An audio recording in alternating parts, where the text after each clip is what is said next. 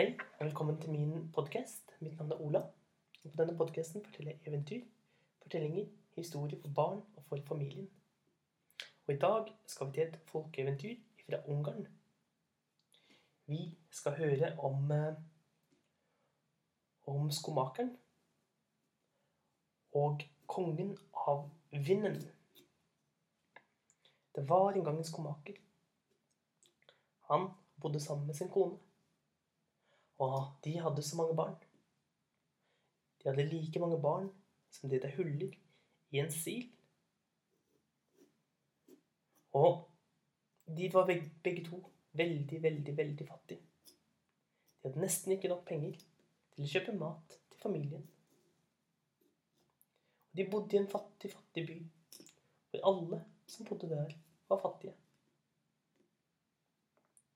En dag så kommer kommer skomakeren bort og hjelper hjelper bakeren og forteller om at de er så fattige nå.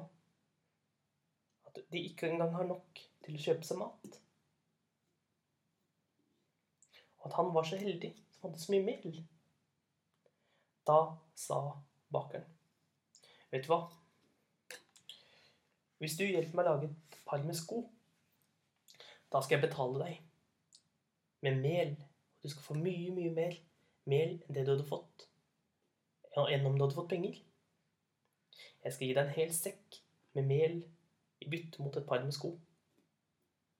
Og mannen ble så glad, så glad. Og skomakeren lagde et par, fint par med sko. Og, og bakeren gjorde slik han hadde lovet, og ga mannen en hel sekk full av fint, deilig hvitt mel. Og nå skyndte han seg hjem, så glad og så fornøyd. Han gikk og danset bortover veien med den store posen åpen. Med ett så hørte han vinden som ulte. Der, der kom selveste nordavinden flyvende bort. Og den fikk øye på alt det hvite, vakre melet. Den fløy bort, og et kraftig vindpust suste ned. Og vips, så fløy alt melet opp i luften. Og mannen sto igjen uten annet enn en tom sekk. Men siden han var så fattig, og siden det var all maten de hadde, da bestemte han seg for å legge ut på en umulig reise. Han skulle reise til kongen av vindene og kreve erstatning for melet sitt. Så skomakeren satte i gang og reiste over fjell og over daler. Langt, langt av gårde og stadig lenger nord. Til der hvor vindpalasset var. Og når han kom fram dit, så var det en så veldig, veldig kraftig vind at han falt helt ned på kne. Men akkurat idet han landet med knærne på bakken, da begynte vinden å le og sa det er bra du kan manerer. For hadde du ikke bukket for meg, eller knelt for meg, jeg vindenes konge, da hadde det gått deg ille. Og han ser ned på mannen. Så, med ett, så virvlet vinden og ble til en mann som sto der med langt, hvitt skjegg og en stor, stor krone av vind på hodet. Jeg er Aiolos, kongen av vinden. Jeg kommer, sa mannen, for å be om kompensasjon for melet som ble stjålet fra meg i går av selveste nordavinden. Jeg kan ikke styre hvor de andre blåser, og nordavinden er den villeste av alle. Men jeg kan gi deg noe erstatning for ditt tap. Se her, du skal få dette lammet av meg, sa kongen av vindene. Og han fikk et lam. Og det er slikt at hvis du sier 'rist, mitt kjære lam', så begynner lammet å riste. Og det som kommer fram da, er gullpenger. Men det er veldig, veldig viktig. Du må ikke vise dette til noen før du har kommet hjem. For da kommer det til å gå deg ille. Og mannen, skomakeren, takket gudenes eh, vindkongen for dette. Så begynte han på hjemveien. Han reiste hele dagen, og snart så begynte det å bli mørkt. Men så kjente han et gammelt par, et gammelt ektepar, som bodde i nærheten.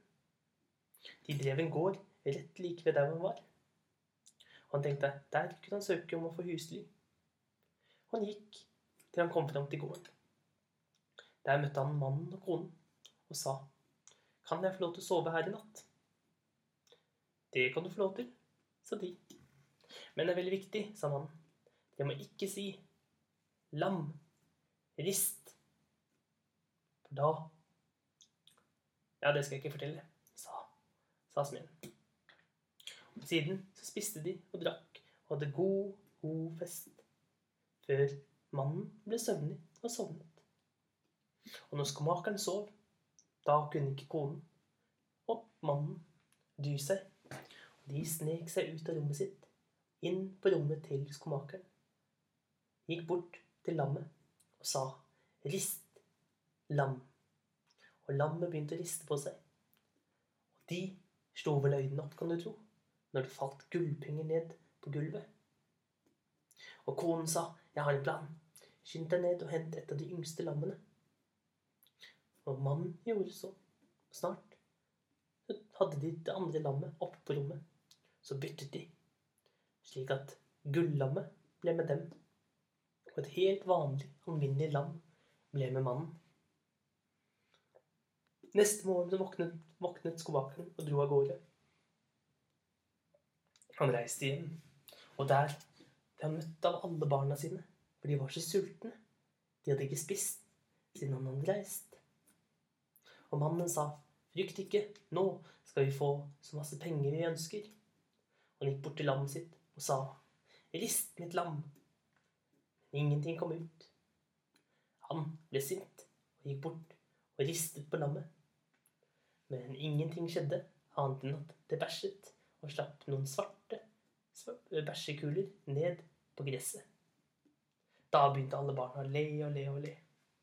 Men mannen var ikke glad, for nå hadde han ikke noe mat å gi dem. Så han spente på seg skoene og sekken og dro av gårde igjen for å dra tilbake til kongen av alle vindene. Og han reiste uten stans helt til han kom fram. Så sa han den, det lammet du ga meg, det funket ikke. Jo, det gjorde det, sa, sa kongen av vinden. Men jeg tror du har gjort slik jeg sa du ikke skulle gjøre. Jeg tror du snakket om hemmeligheten med lammet. Men du skal få kompensasjon. Du skal få erstatning for lammet ditt. Og for melet. Så her har du en duk. Og når du sier 'Kjære duk, dekk deg til', da kommer du til å se de deiligste retter du kan tenke deg. All mulig mat kan komme fram på dette tørkleet. Men det er veldig viktig. Du må ikke vise det til noen på veien. Eller fortelle om dens hemmelighet. For da kommer det til å gå deg ille. Og mannen takket for dette. Og lovet å ikke si noe til noen andre. Og når kvelden kom, så var han like ved huset der han hadde vært kvelden før. Og han gikk inn og spurte om han kunne få lov til å sove der i natt. Og de spurte hva han hadde med seg. Jeg har med et tørkle. Men det er veldig viktig at dere ikke sier 'tørkle'. Dekk deg til. I nærheten av det. Og de spiste og drakk og koste seg. Og når det var tid for å legge seg, så gikk skomakeren og la seg. Men han hadde ikke før sovnet før konen og mannen kom listende inn på rommet hans. De kunne ikke dy seg, og de ropte med en gang. Bare så lavt hadde mannen ikke våknet. Dekk deg til! Og vips, så fikk de se de deiligste retter.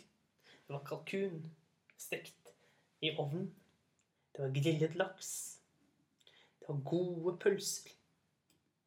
Det var all mulig god mat de kunne tenke seg. Det var fersk frukt og bringebær og jordbær. Og de spiste og koste seg. Siden så gikk de og hentet en duk som var helt lik den duken han hadde. Så tok de og byttet ut duken til skomakeren med en helt vanlig duk. Neste morgen så våknet skomakeren og satte i gang med å reise hjem til sine sultne barn og sin sultne kone. Han hadde ikke før kommet innenfor døren før han sa Tørkle, dekk deg til. Men ingenting skjedde. Teppet lå helt stille. Duken rørte seg ikke. Og mannen begynte å riste på teppet. Men ingenting skjedde.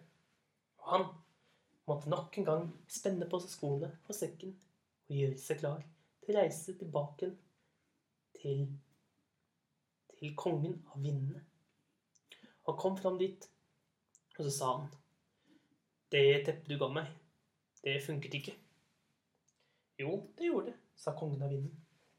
Men jeg tror ikke du har hørt på hva jeg har sagt. Du må ikke fortelle det til noen, for da vil det gå deg ille. Men du skal få en siste ting av meg. Du skal få en stokk. Og når du sier 'stokk', vis hva du kan. Da vil du se stokkens kraft. Men igjen, du må ikke fortelle det til noen før du kom helt trygt hjem. Og mannen lovet dette og la av sted. Men han hadde ikke før kommet utenfor palasset til vindenes konge før han ble nysgjerrig på hva som kom til å skje.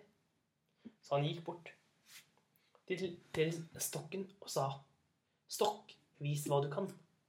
Og stokken satte i å slå og banke han, så han ble helt gul og blå. Til slutt så ropte man stopp, stopp, stopp. For det hadde, hadde kongen av vinden sagt.